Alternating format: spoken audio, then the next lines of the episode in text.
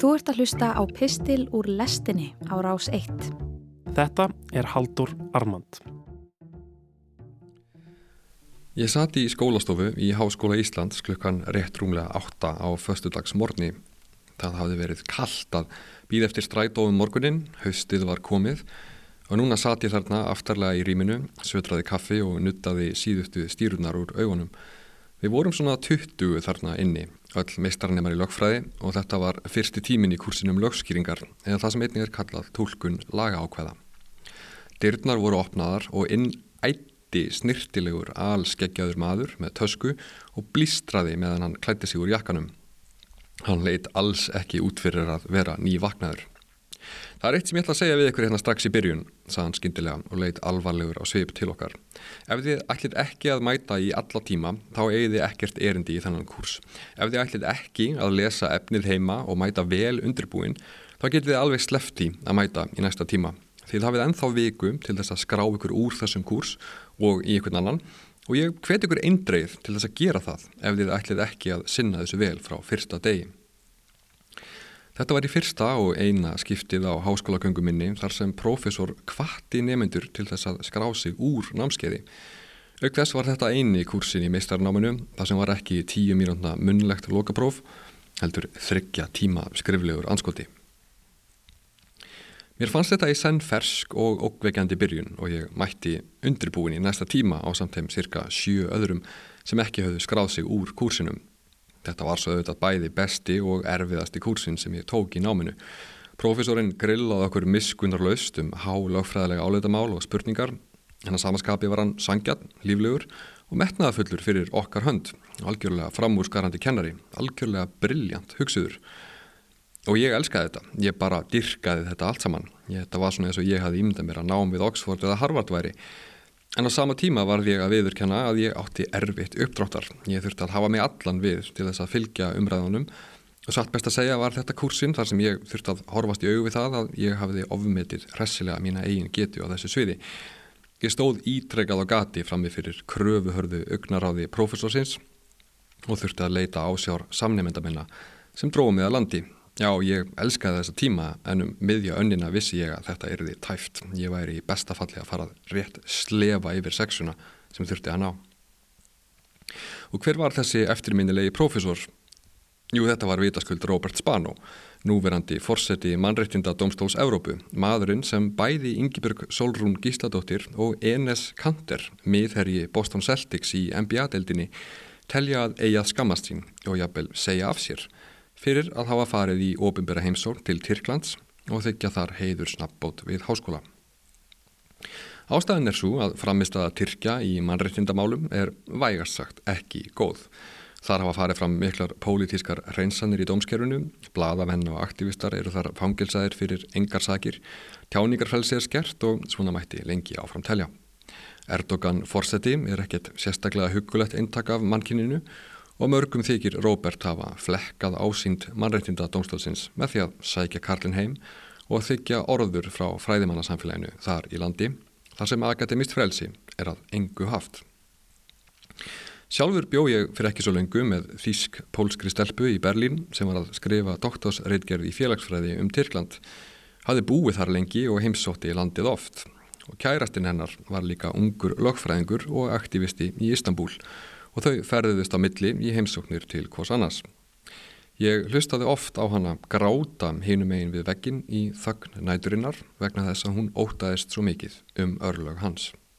En átti Róbert ekki að heimsækja Tyrkland sem forseti mannreitninda dómstólsins. Rýrir það orðspór dómstólsins ef forseti hans heimsækir eitt af aðeldaríkjónum. Eftir því sem ég kemst næst heimsækja forsetar dómstólsins öll aðeldaríki erubaráðsins reglulega. En mér sem stend fyrir utan þennan diplomatiska leikföll og þekki ekki reglur hans nákvæmlega finnst kannski spurningin frekar að vera hvort forseti mannreitninda dómstóls Evrópu eigi að gera upp á milli aðeldaríkja hvort þau eigi það skilir að hann heimsæki þau og þykki þar orður. Hefði einhver sagt eitthvað ef Róbert hefði heimsótt Danmörku heim og haldið þar ræðu í Kaupmannahafnar háskóla? Auðvitað ekki. Það sama gildur um Ísland og Háskóla Íslands. En samt eiga mannréttindi alveg undir höggað sækja hér eins og annar staðar. Það er ekki langt síðan að dómsmólar á þeirra Íslands þurft að segja af sér vegna þess að dómstólinn komst að þeirri nýðurstöðum að hún hefði brotið gegn ákvæðum sáttmálans með ennbættiskjörðum sínum við skipun dómara. Sami fyrirverandi ráð þeirra hefur jafnframt varað við útþenslu dómstólsins Á Íslandi er ekki jamt vægi atkvæða í kostningum og þetta misvægi fer augljóslega í báa við þau grundvallar mannreitindi sem felast í jafnræðisreglunni. Öryggis og samvinnustofnun Evrópu hefur ítrekkað gert aðtúasemdir við þessi augljósu mannreitindabrót íslenskara stjórnvalda.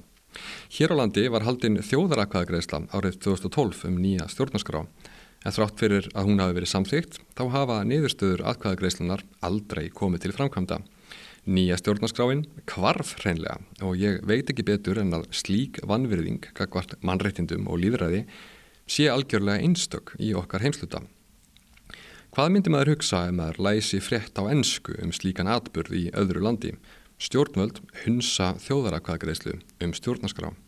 Hvaða álíktanir myndi maður draga um stjórnvöld þær landi?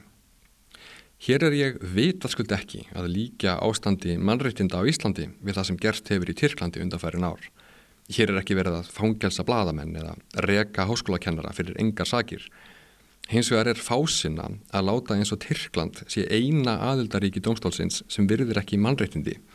Við þurfum ekki annað en að horfa út í okkar eigin garð til þess að sjá að mannreitindi eru hér um byrj aðstæðar þyrnir í augum stjórnvalda. Spurningin er þá aftur er það hlutverk forseta mannrættindadómstóls Európu að meta það persónulega í hvert skipti fyrir sig hvort aðildaríkin eigi skilir að fá sig í ofinbæra heimsókn. Er það hans að meta það persónulega hvort mannrættindabrót hvers ríkis fyrir sig séu nógu alvarleg til þess að hann eigi ekki að draga fram ferðartöskuna þegar kemur að næstu ofinbæra heimsókn? Er það virkilega hans í diplomatísku hlutverki sínu sem forseti stopnunarinnar að gera upp á milli aðildaríkjana?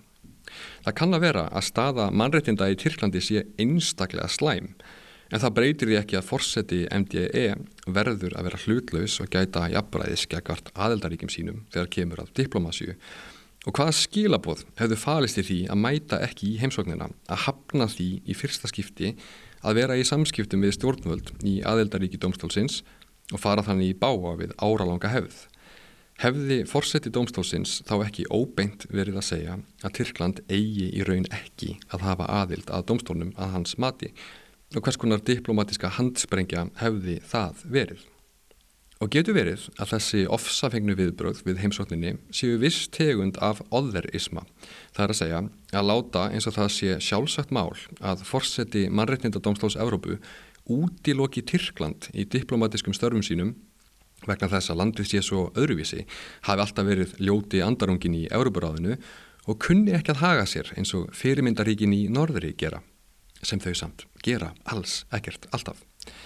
Ég er ekkert að bera blaka af tyrkneskum stjórnvöldum, mér kemur það aldrei til hugar. Ástandið þar er skjálflegt og Erdogan er fúlmenni.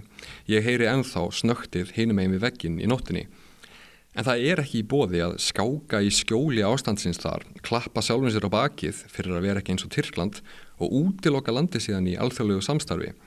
Í fyrsta lagi væri það alls ekki í anda hins merka sáttmála sem kvílir í bakgrunni þessa máls og í öðru lagi væri það heldur ekki gáfuleg nálgun. Ef þú vilt breyta haugðun einhvers til hins betra eða reyna að hafa áhrif á heimsmynd hans, þá er ekki vitulegt að hunsan eða útiloka. Við hunsum það sem okkur er sama um en við feysum það sem skiptur okkur máli. Hvort hefði verið betra fyrir framtíð grundvallar réttinda almennings í Tyrklandi að Robert Spano mætti og heldi það ræðu um mikilvægi tjáningafrelsis og frelsi fræðimanna eins og hann kaus að gera eða að hann hefði hunsað bóðið og ekki mætt. Ég þykist ekki vita svarið. Ég veit ekkert um alþjóðlega diplomasíu. Þetta hefur ekki verið auðveld ákvörðun og það getur ekki verið gaman fyrir nokkur helvita mann að taka í spaðan á Erdogan. En ég held samt að fyrir fólkið í landinu, fyrir frelsir og framtíð grundvallar réttinda, þá sé betra að hann hafi kynkt gallinu og mætt frekar en að láta eins og Tyrkland sé ekki á heimskortinu. Hey girl,